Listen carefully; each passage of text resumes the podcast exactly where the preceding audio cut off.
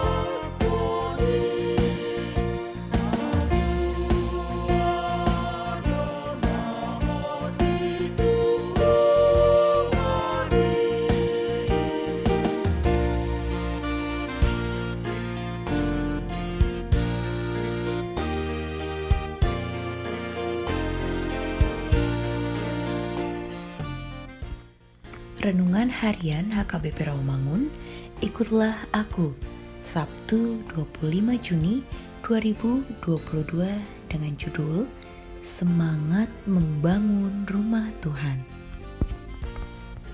Bacaan kita pada pagi ini tertulis dalam Markus 2 ayat 1 sampai 12 dan bacaan kita pada malam ini tertulis dalam Hakim-hakim 8 ayat 22 sampai 28 dan kebenaran firman yang menjadi ayat renungan kita hari ini ialah Hagai 1 ayat 14 yang berbunyi Tuhan menggerakkan semangat Jerubabel bin Sealtiel, Bupati Yehuda, dan semangat Yosua bin Yozadak, imam besar dan semangat selebihnya dari bangsa itu.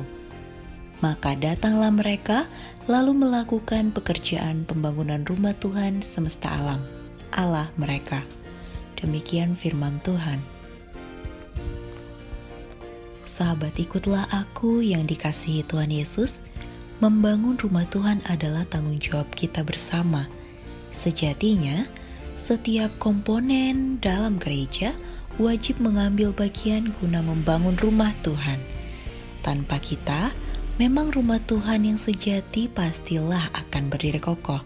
Tanpa kita, bukan berarti bait Allah itu akan lenyap. Saudaraku, simaklah nas ini dengan seksama. Ada tiga elemen yang sama-sama semangat membangun rumah Tuhan. Ketiga elemen itu adalah pemerintahan Bupati Zerubabel, pelayan Tuhan oleh Yosua serta umat Tuhan sendiri. Sebuah kolaborasi yang amat luar biasa, bukan? Marilah kita sama-sama kompak membangun rumah Tuhan di dunia ini, terutama hati kita. Itu merupakan panggilan iman sekaligus persembahan kita kepada Tuhan. Janganlah engkau abai memelihara dan membangun rumah Tuhan. Bak reruntuhan sinagoge, di Yerusalem setelah Israel kembali dari pembuangan. Jangan hanya sibuk mengurus rumah sendiri, seperti yang tertulis dalam ayat 9. Apalagi rumah mentreng berkilau-kilauan. Why? Engkau akan menabur banyak namun hasilnya hanya sedikit. Makan tidak kenyang, minum tetapi tidak puas. Engkau berpakaian namun tidak akan menghangatkan badan. Engkau beroleh upah, namun upah itu akan terbuang di pundi yang berlobang. Seperti yang tertulis dalam ayat 6. Ah, betapa indahnya bila pemerintah Indonesia kita, hamba Tuhan maupun umat sama-sama semangat berkolaborasi membangun rumah Tuhan. Semangat, semangat, semangat. Amin. Mari kita berdoa. Ya Tuhan Yesus, pada saat ini kami datang kepadamu.